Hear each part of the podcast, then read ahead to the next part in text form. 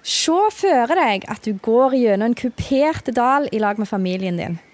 Ungene klatrer fra stein til stein, balanserer på gamle steingjerder, hopper over bekker og sklir nedover nakne berg. Innimellom står det ei lita treklynge, men ellers er det ikke lyng eller skogsgras. I plassen er bakken dekka av et tett teppe med mørkegrønt reigras, rapp og hvitkløver. Landskapet jeg nå beskriver, er et typisk kulturbeite i Rogaland. Det er ikke oppdyrka og knapt framkommelig med traktor. Likevel gir enkelte av disse arealene avlinger langt over det som er normalt, sjøl for god dyrka mark. Denne episoden skal handle om hvordan du etablerer og vedlikeholder gode kulturbeiter. Du hører på podkasten Bondevennen. Mitt navn er Ingvild Luteberget Nesheim.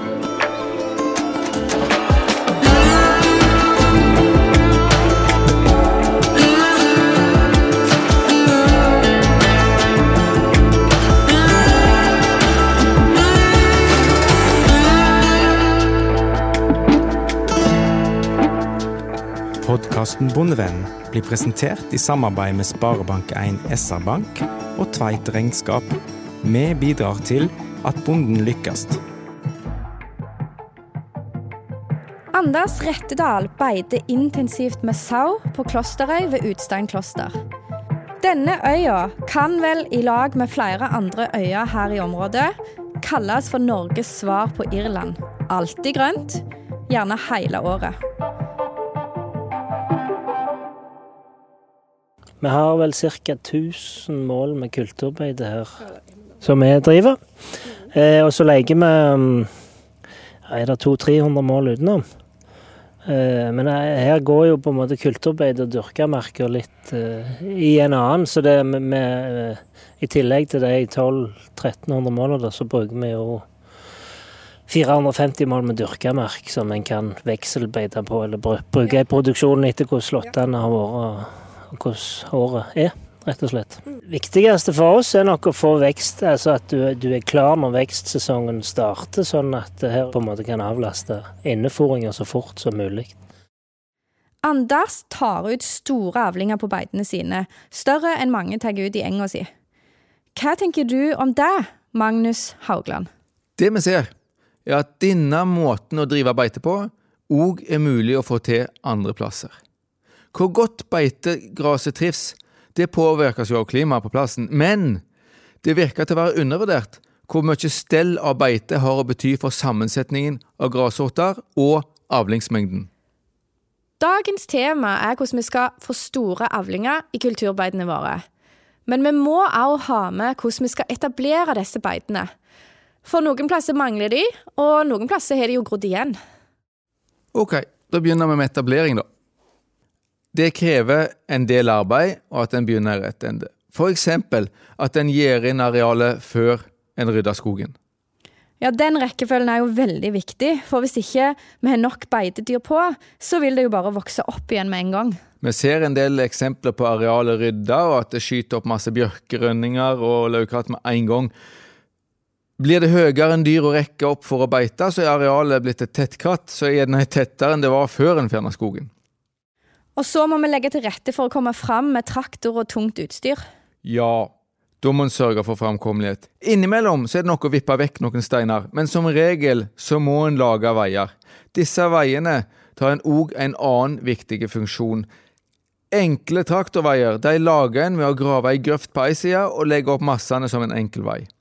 Grøfta spiller en nøkkelrolle for å tørke opp arealene. Ja, for her vest så handler jo mye av drifta vår om kampen mot vannet. Får du skåret av vannet med veigrøfter i skråningene, så tørker du ut arealene i bakken ned forbi, sånn at det blir mulig for beitegraset å overleve. Det gjelder òg for så vidt myrer, men myrer er ikke de beste arealene for kulturbeiter. Det er vanskelig å drive de rent teknisk, og det er vanskelig å få gresset til å trives. Og en får òg lett ugrasproblemer. Og i sorpehullene får vi jo lett problemer med leverrykte. Ja, både leverikter og ugras som er før forbandt med kyststrøk og de britiske øyer, de ser vi at det brer seg innover i landet etter hvert som klimaet nå blir våtere og varmere. Det er fascinerende egentlig å se når en reiser rundt på gårdene, hvor fort disse problemene sprer seg til nye områder, der en før trodde det var for kalde vintrer. Når vi setter opp traseen for gjerdet, så er det også viktig å få med seg naturlige vannkilder som dyra kan drikke ifra. Ja, for om dyra er avhengig av at vi kjører vann hele sommeren, har vi laga oss mye arbeid. Og hvis vi har kontroll på vannet og har tilkomst med traktor i beite, hva gjør vi da? Da hører vi på han Ragnvald. Det som er veldig viktig i utgangspunktet, det er å danne seg litt bilde over jordsituasjonen. Og sånn en fellesnevner i vårt område, så er det som regel lite kalk. Der er lite fosfor, og der er lite kali, naturlig, hvis det er ny jord. Og Derfor er det veldig viktig å starte gjerne med, med å vurdere en jordprøve. Og i ettertid så er det som regel kalking, og da er det gjerne snakk om pH i utgangspunktet på femtall, eller gjerne under fem. Og da må du som regel ha ut et tonn med kalk. Eh, og så kan jeg diskutere nyanser oppi dette, men jeg føler i praksis når det er så lågt, så må du gjerne ut med et tonn for å få litt reaksjon. Så kjekt å høre min gode gamle mentor Rangvald Gramstad, som var rådgiver i NLR Rogaland i over 40 år. Men du Magnus, skal vi begynne med kalkinga? Det er jeg enig i. Skal vi få rapp, reigras og hvitkløver til å trives, da må vi heve pH-en kraftig for det som er naturlig her i oss. Jorda vår er altfor sur for naturens side. Ragnvald sier ett tonn kalk per dekar. Det er en heftig dose. Ja, men du trenger noe såpass for å heve pH-en fra 4,7 til 5,7. Det er en del diskusjon om hvor høy pH man skal ha i beitene, og jeg mener at 5,7 er minimum. Reigras krever 6,3 for å unngå surjordskade på røttene sine. Rapp og kvittkløver krever minst det samme, og det skal vi snakke litt mer om senere. Men du kan ikke kjøre på ubegrensa mengder og legge på overflata, for da kan det gi redusert vekst. Sant, sant, men jeg er likevel enig med Ragnvald i det at er det så galt som 4,7 i pH, som er nokså normalt hos oss, så får en ingen produksjon i beitene. Så er det praktisk poeng til. Når en med hjertet i halsen og livet som innsats har klart å komme seg langt inn i beitet med traktor og kalvvogn, da legger du godt på når du først er der. Det er jo en del som sprer med helikopter. Det er dyrt, men da ivaretar man i alle fall HMS-en. Det er dyrt, men godt tiltak som Landbruksrådgivninga organiserer. Ser en på pris, så er det ofte billigst å leie en entreprenør med kalkvogn der en kommer til. Skjelsand kan være like billig om transport fra kaien der kalkbåten losser, er kort. En mellomting prismessig, det er granulert kalk i sekk. Den kjører du ut med handelsgjødselsprayer. Og der er en liten fordel til. Da kan du kjøre med en lett sprayer bakpå og tvillinghjul, og det reduserer velteforen kraftig.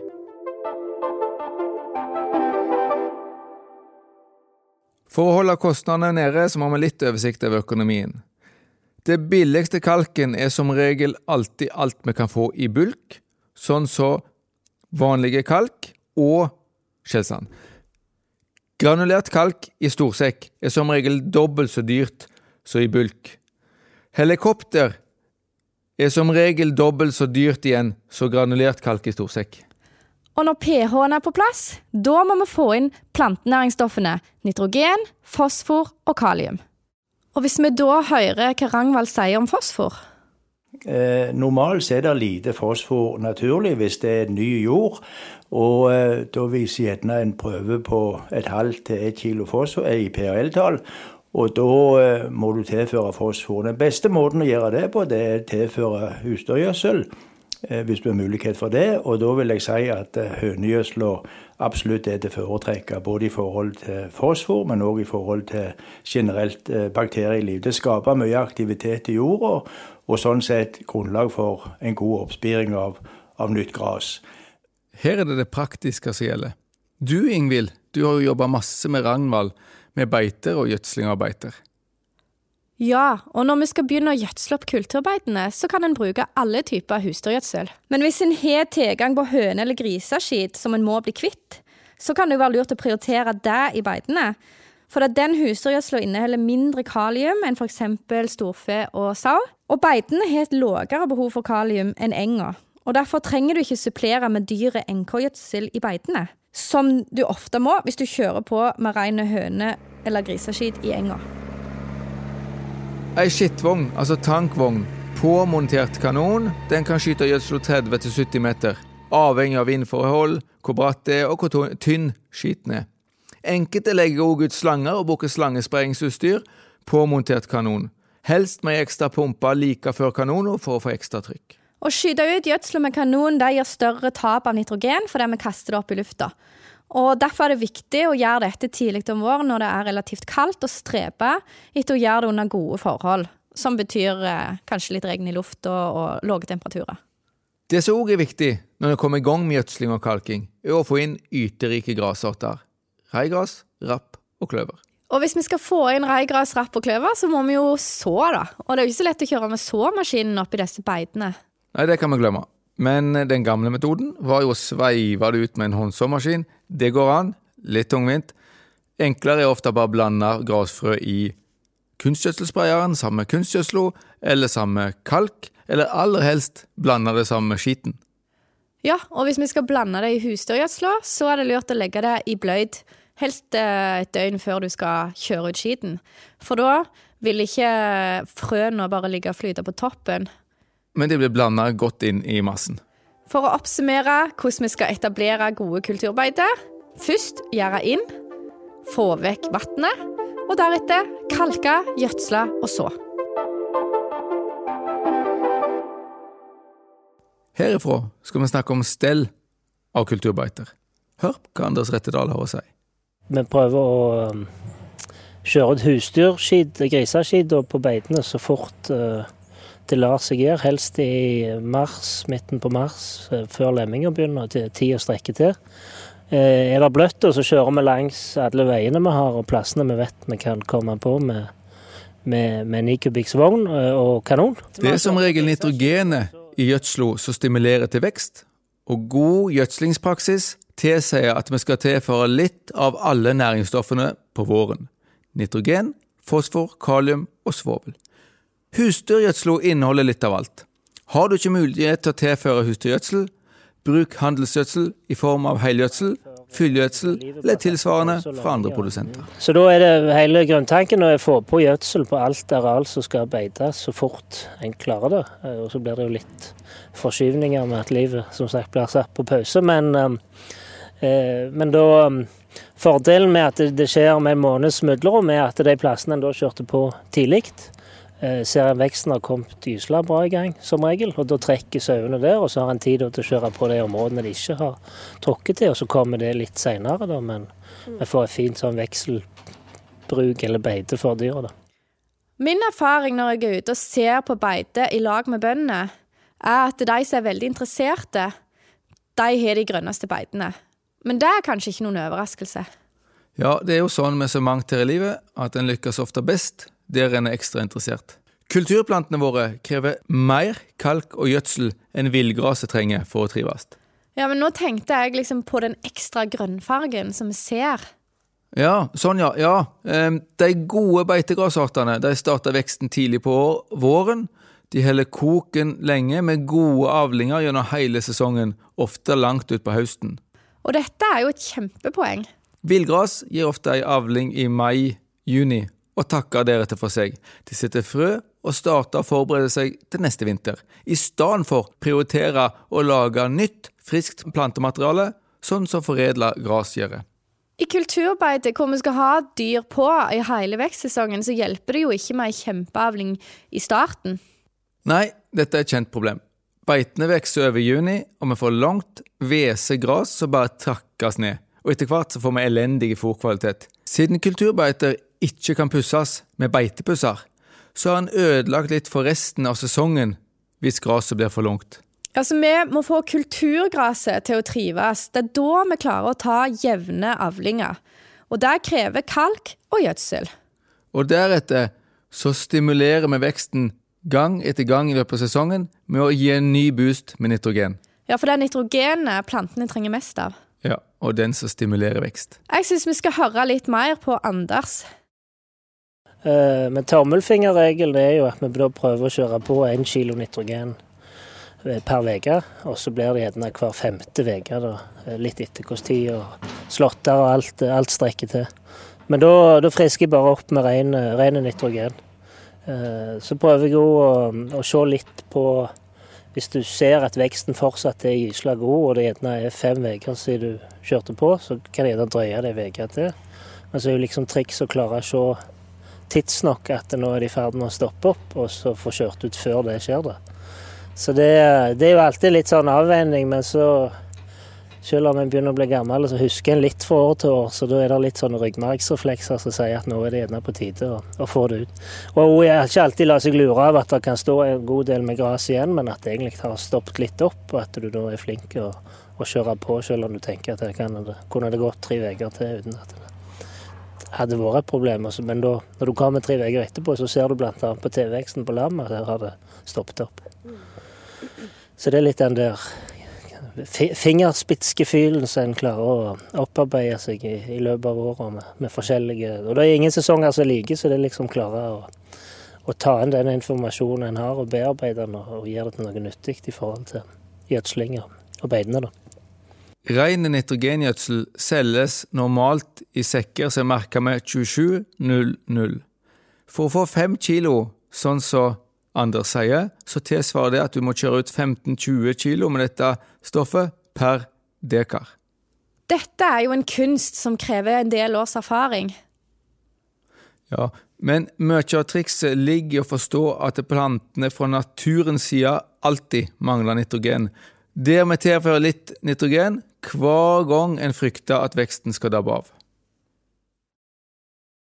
Men Magnus, vi må snakke om hvordan vi skal få disse kulturplantene til å bli værende i beite. Og Anders han hadde jo en del erfaringer hos seg. Her, her, har vi jo uh, egentlig ufattelige mengder med, med reigras. Uh, vi hadde Ragnvald uh, ute her for noen år siden på, seg på alle fire og, og lukta og klipte og smakte på gress i, i mange dager. Eh, og da fant vi ut at det er faktisk så mye som 70% innslag av reigras på mange av beitene. Eh, og noen av sortene er faktisk over 100 år gamle engelske reigrassorter som da er planta på et eller annet tidspunkt. Eh, så det tåler, her ute hos oss tåler det beitinga ganske bra. Gir gode avlinger når det er gode forhold, iallfall. Når det er dårlige forhold, så vet jeg ikke om det er noe som gjør det. Eh, og så tåler det iallfall det beitetrykket vi har, syns jeg det tåler, tåler, ganske bra. Så det, det holder seg fra, fra, år til år, sånn sett. Når det gjelder reigras, så snakker vi jo ofte om flerårige sorter. Og det er flerårige sorter vi må så inn i beitene. Og i Europa så er det engelsk reigras som er blitt hovedsorten, både til slått og til beiting. Og her i Norge ligger vi jo litt i nordre enden av hvor det gresset klarer å overleve, men eh, det går bra. Ja, iallfall vi som ligger inn mot Nordsjøen.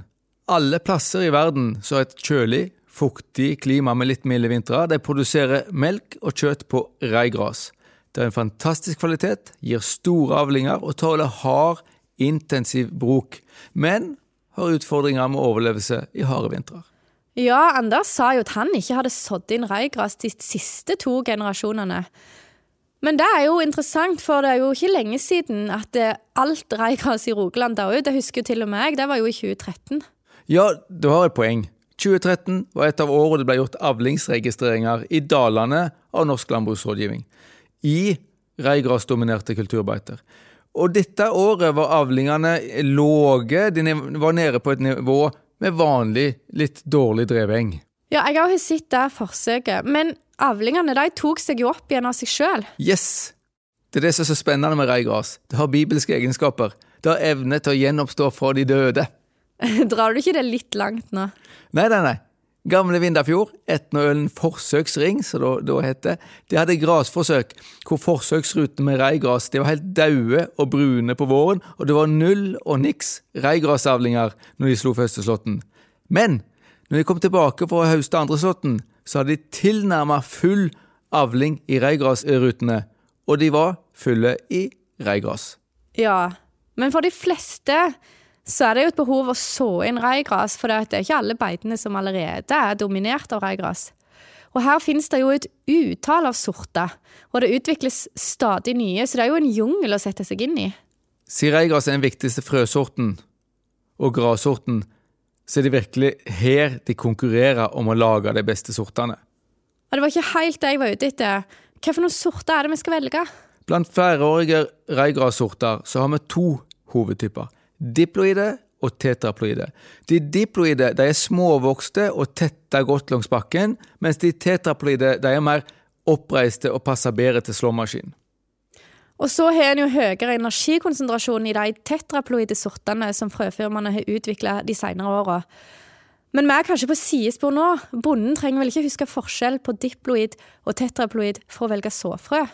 Nei, han trenger ikke det. Jeg tror vi skal begrense oss til å si at det er viktig å få inn sorter som tilpasser beiting, og det får du inn med å velge beitefrøblandinger eller frøblandinger med mange reigrassorter. Denne episoden er sponsa av Felleskjøpet Rogaland Agder. Felleskjøpet har løsninger som gjør kulturbeitene dine mer lønnsomme. Snakk med våre konsulenter, eller gå inn på nettsidene våre bondekompaniet.no. Du sier vanlige engfrøblandinger, men i de fleste engfrøblandingene så er det jo mye timotei. Og timotei tåler jo ikke beiting. Så er det ikke litt bortkasta da å så en masse timotei inn i beitet? Jo, de fleste frøblandinger det inneholder timotei, og det å bortkaste og så inn i et kulturbeite som skal beites intensivt. Timotei dør av så hard beiting. Og om du ikke finner rette blandingene i frøkatalogen, så hør med landbruksrådgivninga eller firmaet du kjøper av. Jo. Ok, Da får vi gå til neste grassort. Rapp. Det fins masse rapparter. Felles for de alle er at de beiter, der er de alle velkomne. Sjøl tunrapp? Ja, sjøl tunrapp. Men fortell, hvordan får vi rappartene til å trives i beite? Her er det samme triksa som gjelder for reigras. Gjødsling, et visst beitepress og godt med kalk. Legger du forholdene til rette, vil de bre seg utover. Enkelte sorter med frø, andre med underjordiske eller overjordiske utløpere som sprer rapportene utover store områder. Det er jo kjempepraktisk at de sprer seg av seg sjøl, men gjelder det bare rapp? Av grasartene som er sår, så er det foreløpig kun engrapp, men enkelte frøfirmaer som har utvikla reigrassorter som gjør det samme. Disse selges foreløpig ikke i Europa, men vi håper at de kommer. Hvitkløver, derimot, det er ei god beiteplante. Den brer seg òg utover med utløpere, så denne må vi legge til rette for. Men hvis vi skal legge til rette for kløver, så kan vi jo ikke gjødsle så hardt med nitrogen som vi ønsker til rapp og reigras. Kløver trives best med godt med kalk, kalium og fosfor, men ikke nitrogen. Nei, for kløveren den øh, fikserer jo nitrogen. Altså han klarer å skaffe seg nitrogen sjøl, gjør han ikke det? Ja, han gjør det. Kløver konkurrerer best i omgivelser hvor det er god tilgang på alt annet enn nitrogen. Ja, Som godt kalka beite som kun får husdyrgjødsel? Ja, ofte så ser vi at kløveren brer seg veldig på plasser hvor det kun brukes husdyrgjødsel. Forklaringen er gjerne at man da overgjødsler med fosfor og kalium, men tilfører for lite nitrogen for gresset sin del. Og da kommer kløveren til sin rett? Jepp. Og husk, det er hvitkløver vi bruker beite, for når den først trives, så brer han seg utover med disse utløperne. Rødkløver derimot, de har pålerot og mangler utløpere den vil fort dø ut i et beite. Så det betyr at vi må velge en beiteforblanding med hvitkløver. Er det rødkløver i blandingen, så er den meint til slått. Men hvitkløver er ikke bare hvitkløver. Skal du blande inn hvitkløver, så velg en småblada sort. De er tilpassa beiting og vil overleve lenge i et beite. For de som ønsker å ha det litt enklere, det fins jo ferdige frøblandinger.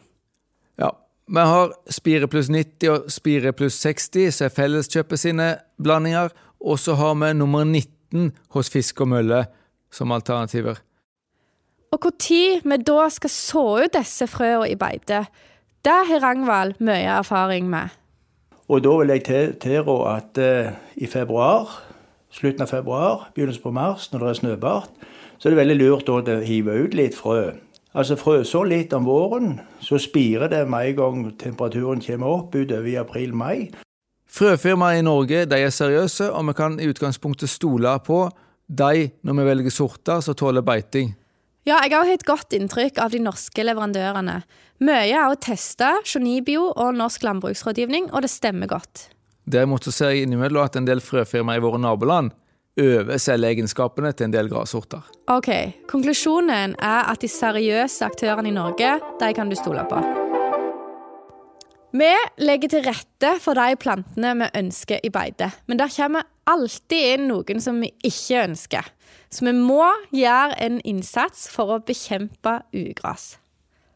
Så her for oss så går det mer på å, å klare å holde veksten i gang på de, de beitene en har, og så heller gjøre tiltak i forhold til, til ugras, lyssiv. Einere er vi fryktelig plagte med.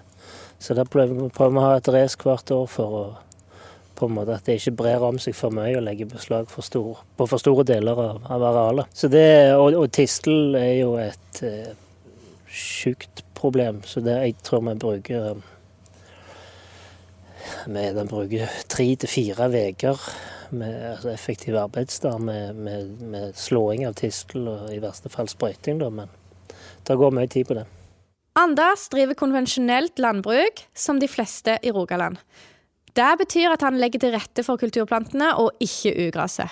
Det er det vi kaller integrert plantevern. Han gjør mange ulike tiltak for å hindre og bekjempe ugras. For eksempel Måse det er et problem der gresset mistrives. Sur jord, lite gjødsel og hard beiting gjennom hele året det tar knekken på gresset og gir plass til måsen. En annen ting grøfting og alle typer drenering det gjør at det er mulig å holde f.eks. lyssivet i sjakk. Lyssiv, det er jo disse karakteristiske tuene med siv som har sånne svarte dotter på. De blandes ofte sammen med knappsiv, men det er jo i praksis det samme. Ja, det er den planta som før ofte ble kalt for veikegras. Du bretter ut den grønne ytterbarken og står igjen med en skumlignende tråd som minner på om en slags veik.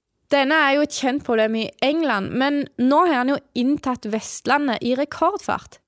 Ja, mine kollegaer i landbruksrådgivninga forteller om hvordan de kartla lyshiv for mange tiår siden.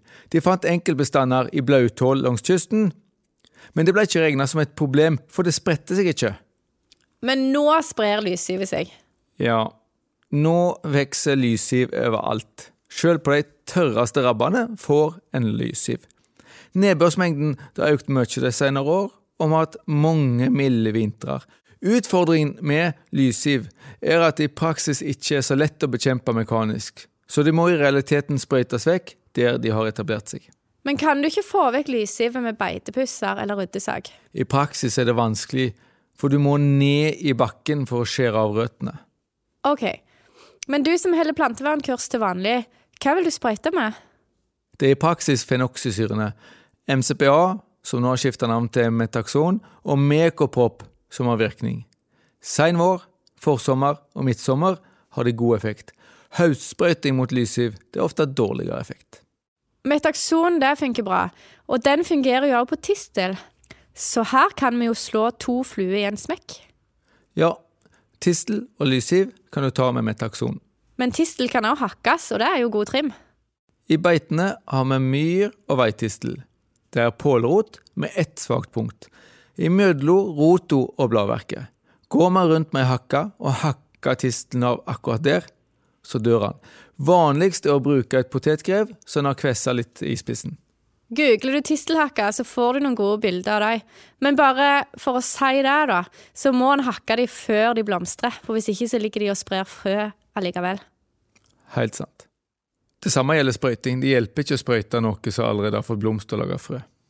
Av fenoksysyrene så har Mekoprop i tillegg grei effekt mot høymåler. Men er det høymåler som er hovedproblemet? Og det er det jo ofte i storforbeidene. Ja, da er det bare å sprøyte med disse mer rene høymålemidlene vi har i handelen. De er ofte mindre giftige, billigere og vel så effektive. Og har kortere tilbakeholdelsesfrist.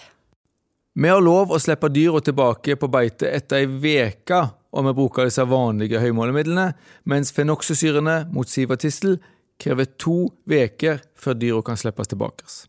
Men hva mener du med vanlige høymålemidler? For å nevne noen handelsnavn. Fluorostar, Kliv, Tomahawk, Starane. De har mange ulike handelsnavn, men det er ikke så farlig hvilken av disse du bruker. Alt fungerer. I beite der både høymol, tistel og lyssiv er problem, så hadde det jo vært veldig kjekt med et middel som tok alle tre når du først er ute og trasker. Ja, da kan du f.eks. blande Metaxon og Starane i ryggsprøyta. Det er godkjent. Det er jo effektivt. Men høymola den har jo et tidspunkt der den er veldig enkel å luke, altså rotlausveka. Høymola har òg pålerot. Planter bruker opplagsenergi fra rota på våren til å bygge plantemasse. Et par veker ut i juni er derfor rota blitt veldig slank, før hun begynner å legge på seg igjen.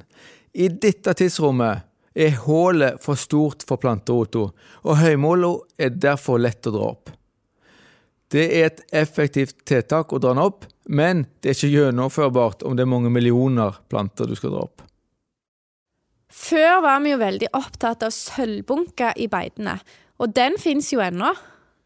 Ja, sølvbunker er et grasslag som dyra ikke vil ha. Den danner tette tuer. Strå og frø får et sånn sølvaktig grått utseende på avstand, så ser hun sølvaktig ut, iallfall. Men bladene er kvasse og taggete som ei sag. Dra fingeren fram og tilbake langs et sånt strå, så finner du ut hvorfor dyra ikke ønsker å ha dette i munnen. Ja, du har jo lært meg en sånn artig huskeregel for sølvbunker. ja, men vi kan ikke ta dette en seriøs podkast, Ingvild. Før gikk mange med Roundup og ryggsprøyter mot sølvbunker. Ja, eh, men jeg er litt skeptisk. Altså, Grunnen til at du har mye sølvbunker i beite, er ofte at beite er altfor surt, vassjukt og dårlig stelt. Er dette problemet, er det her man må legge inn støtet. Kalke og drenere. Er pH og drenering i orden, da kan en vurdere sprøyting. Men har en ikke løst årsaka, så kommer det bare tilbake. Men når vi er inne på andre tiltak, så har jeg en lyd jeg gjerne vil at du skal gjette hva det er. Skal gjette? Det var jo enkelt. Bladet synger jo så tydelig at dette må være i ryddesak, og da vil vel du snakke om Einar? Ja, det var kanskje litt vel enkelt. Men du sa tidligere at lyden av melkemaskin minner deg om jul. Lyden av ryddesag og motorsag, det minner meg om jul. For det har alltid vært tid for å starte sesongen på skogen med beiterydding, ved og tømmerhogst. Ja ja, men jeg kommer jo fra Jæren, og der har vi jo ikke tid til å gå på skogen i jula når vi har så mange kyr å molke. Ja, ok. Anders nevnte òg Einer, eller Brake, eller Bruse, eller hva han nå kaller det rundt om i landet. Den må bekjempes. Det er en del beiter som blir helt gjengrodd av brake, og siden en ikke kommer til med beitepusser, så er det bare ryddesag, eventuelt motorsag, som må til. Det er en kamp som må tas alvorlig. For å lykkes med å etablere og stelle gode kulturbeiter, må vi ha rett mengde dyr til å gå der. Hvis ikke reigras og hvitkløver blir beita, så forsvinner det. Men hva som er rett beitetrykk, og hvor mange dyr kan vi ha per dekar? Det er avhengig av hvor yterikt beitet er. Men det krever òg erfaring og oppfølging, sånn som egentlig andre sier. Du må ut i beite og vurdere grashøyde og hvor nedbeita det er, og flytte flere dyr innpå hvis det begynner å vokse raskere enn det dyra klarer å ta unna, eller ta vekk dyra om de beiter for langt ned. Da er det praktisk å ha inndelt beitene i forskjellige skifter, sånn at du kan veksle imidler. Ja, det er du avhengig av, og da har du òg mulighet til å gi beite en hvileperiode. Og Det gir større avling og mulighet til å drive med sprøyting pga. tilbakeholdelsesfristen. Men hva skal vi se etter når vi vurderer om det er nok dyr på beite? Ekstremversjonen av snaugnagdebeiter det er når du ser at sjøl saueskitten ligger oppå gresset. Da har du daudbeita gresset, sånn at det bruker lang tid på å ta seg igjen. I verste fall så har du tatt livet av kulturgraset. Men kan vi måle grashøyden for å ha noe mer håndfast å se etter? Ja, vi har en som tommelfingerregel at du bør slippe på dyr på beitegraset når det er 10-15 cm høyt, og ta det av når de er 4-6 cm. Når gresset er lavere enn skotuppen på en vernesko, så bør du fjerne dyra.